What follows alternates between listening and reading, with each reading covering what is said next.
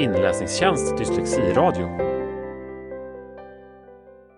Då så var det dags för ännu en sändning i Dyslexiradion. Välkommen alla lyssnare och välkommen hit Ann-Katrin Svärd. Mm, tack så mycket. Eh, Ann-Katrin som vi har med oss i studion idag hon är eh, disputerad lektor i specialpedagogik vid Göteborgs universitet. Ja.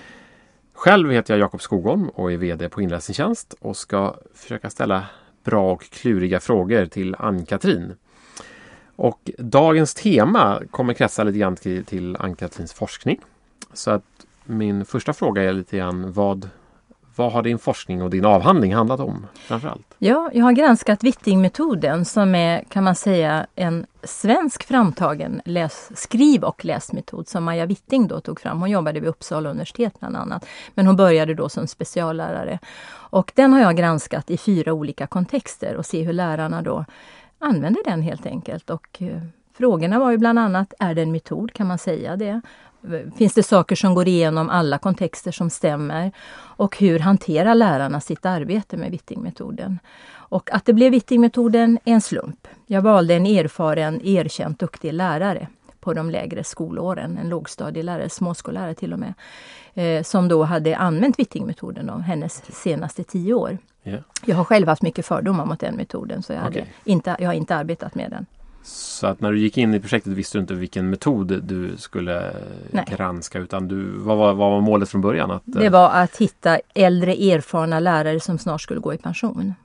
Och lära sig av vad de, Ja, vad de har lärt hur sig. i de alla arbetar med läs och skrivundervisning därför att vi vet så lite om, vi visste så lite och vet fortfarande lite om den äldre generationens lärare som fick då kan man säga mycket mer av metodiska angreppssätt under sin lärarutbildning. De gjorde längre praktik, de fick mycket mer kompetens inom läs och skrivområdet än vad man kanske haft under senare år. Eller tidigare. Det beror Ja. på, nu, nu är det tillbaka igen kan man säga, men det var ju inte det under några år. Ja. Och där, då ramlar du in på Wittingmetoden kan man säga, av Ja, en liten slump. Så kan man säga. eh, tänkte börja där lite grann, avstampa det. För de som inte känner till metoden, kan du beskriva vad det är? Mm. Vad, kanske till att börja med, vad är en metod? Och, och vad är det som gör Wittingmetoden speciell? Ja, det är intressant. Vad är en metod? Ja, man kan säga att det är ju ungefär som ett, att du bakar en sockerkaka och du gör på samma sätt varje gång och du får samma resultat. Va? Alltså en metod är ju någonting som man följer ett recept ungefär. Så här ska man göra när man arbetar. Wittingmetoden heter ju så, men egentligen är det mer av ett pedagogiskt förhållningssätt till läs och skriv. Eller skriv och läsundervisning, för man börjar med skrivandet i Wittingmetoden. Då. Men den kallas ju för Wittingmetoden, kan man säga. Det kanske är ett fel ord egentligen, kanske var Wittingpedagogik istället. Eh, det handlar ju om att man arbetar väldigt systematiskt och strukturerat, vilket då stöttar framförallt elever som har svårt med läsande och skrivande. Eh, man, eh, lärarna arbetar också med något som heter innehållsneutrala språkstrukturer, som är delar ur ord, alltså vokal-konsonantkombinationer ur svenska ord eh, som gör att eleverna, de heter innehållsneutrala för de, blir, de, de är det så länge tills du fyller dem med någonting. Så att när du lägger till nya ljud, bokstäver, till en struktur som bu kanske, och du plockar på någonting mer, eller bu kanske är ett ord för dig, och då kan du berätta vad det betyder för dig. Så man får innehållet via de här strukturerna, det som vi då också menar med läsförståelsen. Eh, Men man säkrar alltså, man är väldigt duktig på att säkra ljuden. Som är en viktig grund, inte minst för de som har dyslexi då, att de får hjälp med ljuden, för det är de som ställer till det. Men det gör det ju för många andra också som har lite mer av allmänna läs och skrivsvårigheter. Okej.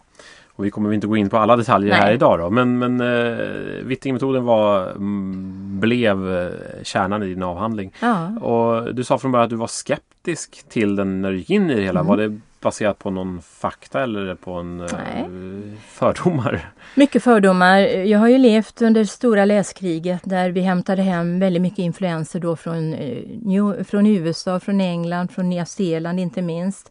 Det, vi hämtade, det som kallas för whole language, alltså helordsmetoden. Och som i Sverige gick under benämningen då läsning på talets grund, LTG. Och jag har ju mer arbetat med den typen av metod där man utgår från hela orden och bryter ner dem och man utgår från hela texter från elevernas texter och bryter ner dem. Eh, jag har vid något enstaka tillfälle när jag hade svårt med någon elev och jag inte riktigt visste, då var det någon kollega som sa, ska du inte prova Wittingmetoden? Och så tittade jag i den handboken men det var för mig bara massa obegripliga krumelurer, de här strukturerna. Och det såg väldigt trist ut. Och jag tänkte att det kan jag aldrig göra, det stämmer inte till mig. Mm. Men eh, efter det att jag följt de här fyra, och egentligen är det ju fem, det är en specialare också i, i den första klassen, så har jag fått ändra min uppfattning för att de här 44 eleverna tyckte att det var roligt, vilket jag hade haft svårt att förstå. Och det är klart att eh, ofta tar man sida för någonting, man väljer något och mm. så blir man några mm. som väljer det och så fortsätter det så. Och så hade det väl varit för mig, alltså kunskap är ju bra att få.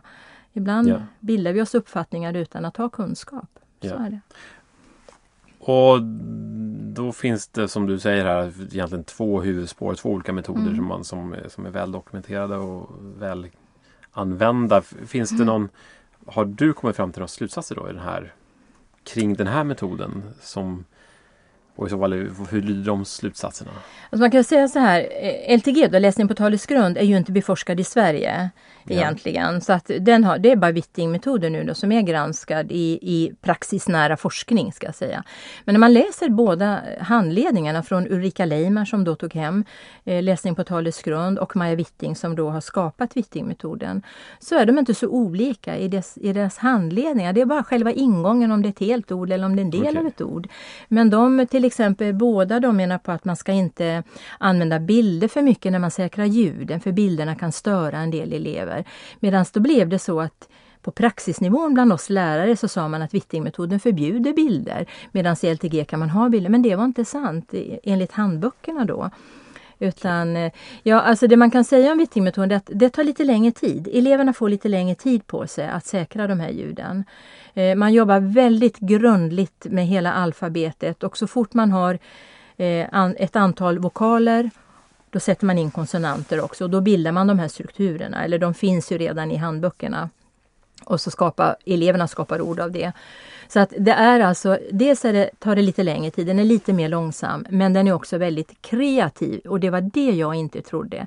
Läsning på talets grund, den börjar man ju hela texter och sånt och den går då lite snabbare fram och ljuden, den här analysdelen i den, när man ska komma fram till att alla elever har säkrat ljuden. Ja, det är inte säkert att man hinner med alla barn och kontrollera alla barn, att de verkligen har säkra ljud. Mm. Eh, men Vitting, de lärarna, de, det är det de gör. De okay. jobbar ju med att säkra ljuden först så att de har ju det helt klart för sig. Ja. Och, om man pratar lite forskningsmetodik här, så din forskning har varit att, att då som du kallar granska den här metoden? Du ja, det är grounded theory-ansats, det vill säga grundad teori som betyder att man går ut på ett öppet fält, på ett fält, ett valt fält med en öppen fråga där jag ställer vad pågår? Eller vad händer när lärarna applicerar Witting-metoden? Mm. Eh, men grounded theory är ju en ansats där du kan använda både kvantitativa och kvalitativa data. Så jag har alltså både filmat, jag har enkäter, jag har intervjuer jag har eh, massor med observationer, mm, flera mm. hundra timmar. Och där intervjuerna är intervjuade regelbundet och de har svarat på enkäter på, vid olika tillfällen. Och lärarna är främst intervjuer. Och sen har jag deltagit mycket i undervisningen. Okay. Och utifrån, utifrån den typen av forskning kan man ändå dra vetenskapliga slutsatser att det här den här metoden fungerar. I de ja, och i de ja. kontexter jag har varit har jag sett. Ja. Jag kan ju bara uttala mig om de här lärarna och de här eleverna. Jag kan ju inte säga, Nej. men om man nu skulle våga sig på någon generell... Alltså jag har ju träffat många vuxna och elever på gymnasienivån som också har fått ominlärning som är Witting-metoden är mest känd för. Många av dem vittnar ju att det här är det enda som har hjälpt dem att komma tillbaka till läsningen igen. Eh, men där är ju inte så många studier gjorda. Mm. Wittingföreningen har ju mängder av dokumentation. Det pågår ett fantastiskt projekt här i Stockholm med Livstycket. Det är Louise Wramner som är en duktig pensionerad specialare. Hon jobbar ju med kvinnor som har analfabetism. Mm. Kvinnor som är illiterata. Där hon jobbar med att lära. Och då tänker hon, vad kan de här kvinnorna som aldrig har fått gå i skolan skolan. De kan baka, de kan sy, de kan brodera. Alltså bakar man bokstäver, man syr, man broderar. De har skapat en bok som heter Vi dricker te och lär oss bokstaven E och den är helt fantastisk. Och det pågår här i Stockholm, Livstycket. De startar precis en ny grupp nu. En del av de här kvinnorna som var över 50 år, flera av dem, de har tagit körkort. De vittnar om att de nu kan läsa, de kan göra saker. För att de har fått jobba med, och ljuden är ju svårt mellan språkgrupper också. Mm Det ser olika ut beroende på vilket språk man är i. Så att jag kan väl gissa givetvis att det skulle kunna fungera men återigen, läraren måste tycka att det är kul att arbeta så här annars fungerar ja. det inte. Men, och det här är då den enda metoden som är då vetenskapligt uh, utredd mm, i din avhandling. Men ja. finns det någon anledning att tro att andra metoder inte skulle fungera även om det inte finns Nej, samma det forskning? tror jag inte. Jag tror också att läsning på talets grund fungerar mycket, mycket väl om lärarna vet hur man ska använda den ja. också. Det betvivlar jag inte ett dugg. Vi har ju använt den själv så att det är klart att det fungerar det också. Ja. Och det är viktigt att man inte då jag tänker på SBU-rapporten som kommer. Det är många ja. som har tänkt att bara för att det inte finns vetenskapligt stöd så betyder det att inte saker inte fungerar. Nej. Eh, och där och säger man hur viktigt här. det är med ljuden. Eh, alltså att man ska jobba med phonics, fonem. Alltså det är väldigt viktigt i SBU-rapporten. Det är Ulrika Wolf bland annat är inblandad i. Och, och, och, det är klart att eh, dyslexi är ju en avkodningsproblematik. Så det är klart att mm. du måste säkra ljuden. Ja. Som tar längre tid och kanske är svårare att göra. Om man går tillbaka till själva avhandlingen och forskningen mm. du har bedrivit. Hur, hur, du sa att du har varit ute hos, hos mm. lärare och undersökt hur lärare har jobbat. Ja, kan du utveckla lite grann? Det var olika typer av lärare. Ja, alltså Kajsa då som är lärare på de lägre skolåren. Fast hon har även svenska och bild upp på mellanstadiet. Men jag har framförallt följt henne. Ja, jag har följt dem upp till årskurs fem till och med några elever. Från ett till fem under fem ja, år? Ja, eller fyra år. Tvåan var, de var i tvåan när jag började och sen kom okay. det in nya elever. Eh, det är ju en kontext och Kajsa arbetar, arbetade, hon är pensionär nu, ja, det var hennes sista år jag följde henne. Det är en alldeles typisk klass med all den variation som vi har i skolan. Det är elever som har ADHD-diagnos, det finns någon som har Asperger, det finns elever som lever under flyktingutvisningshot, alltså som inte har uppehållstillstånd, där klassen kämpar för det under tiden jag följer dem. Det finns någon elev som tillhör grundsärskolans eh, elevgrupp och så, så det är en alldeles vanlig grupp. Va? Mm. Det är liksom mm. inte några A-barn eller vad man nu ska säga, mm. vad man nu kallar det för. Utan, och där kan jag jobba väldigt strukturerat hela tiden och mycket muntligt berättande, mycket lek, mycket rim, mycket mycket ramsor och eleverna skapar väldigt mycket egna texter. Sen är hon noga då med att sätta sig och samtala med eleverna om stavning, alltså hur de stavar. Väldigt noga med att det blir rätt från början. Hon säger så här, alla barn vill kunna, alla barn vill göra rätt och det är väl en bra tanke man kan ha. För får du sitta och lära in ett felaktigt läsmönster eller skrivmönster, då tar det lång tid att lära om. Mm. Björn Borg han sa någon gång att det tar hundra gånger att lära om en felinlärd serv. Mm. Man kan väl tänka den tanken är felinlärt stavningsmönster.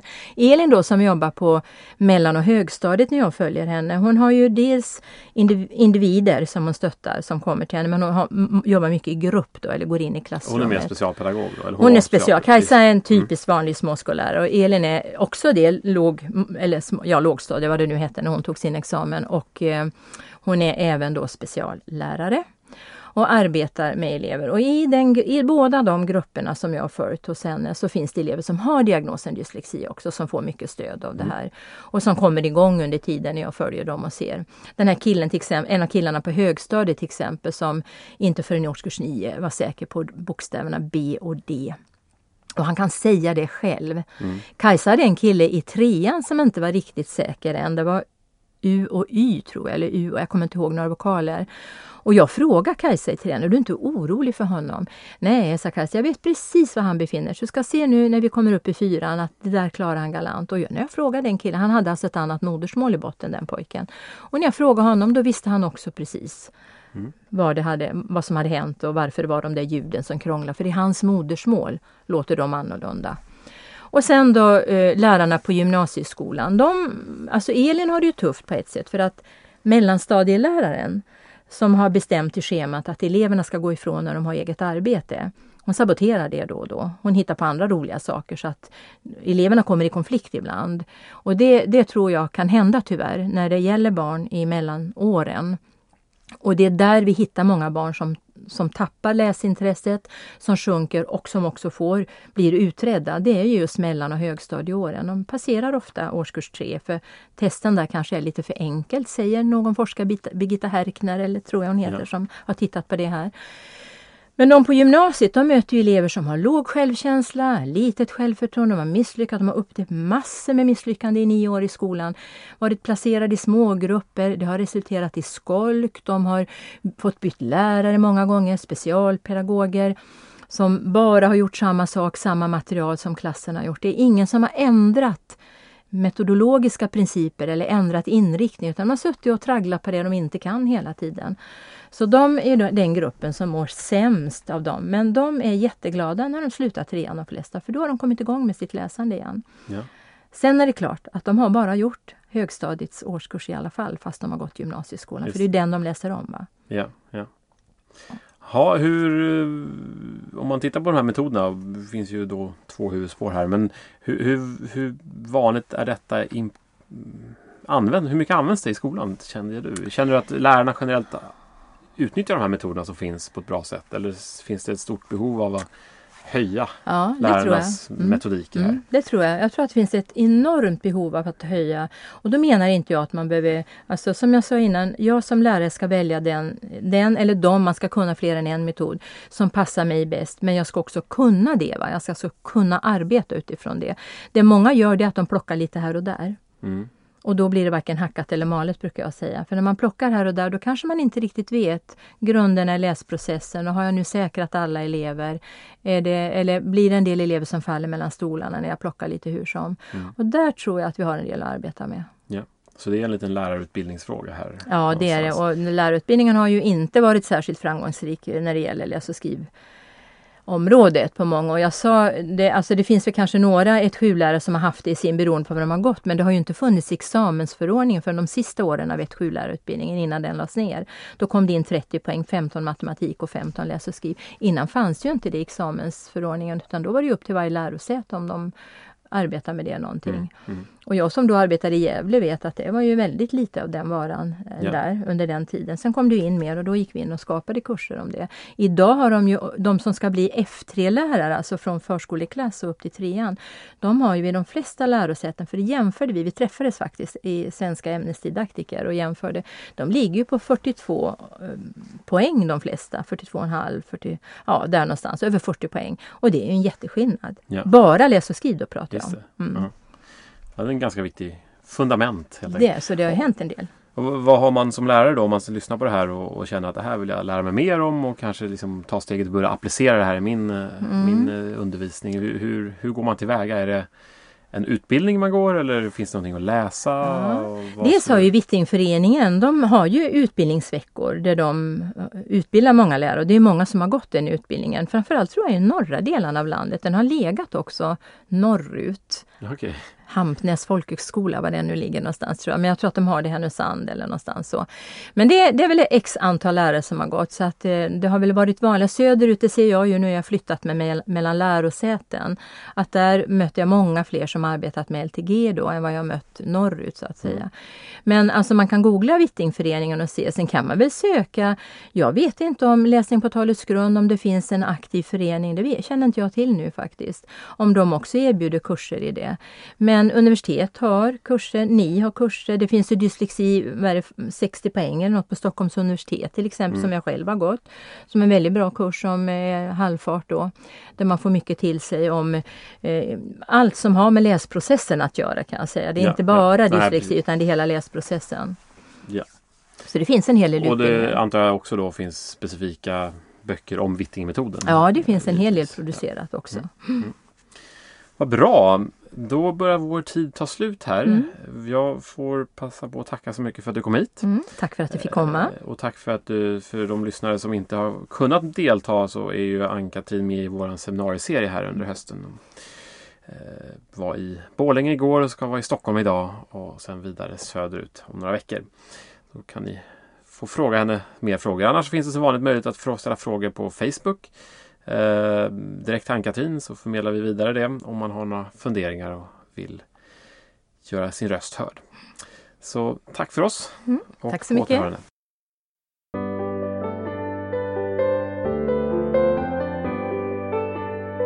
Inläsningstjänst Dyslexiradio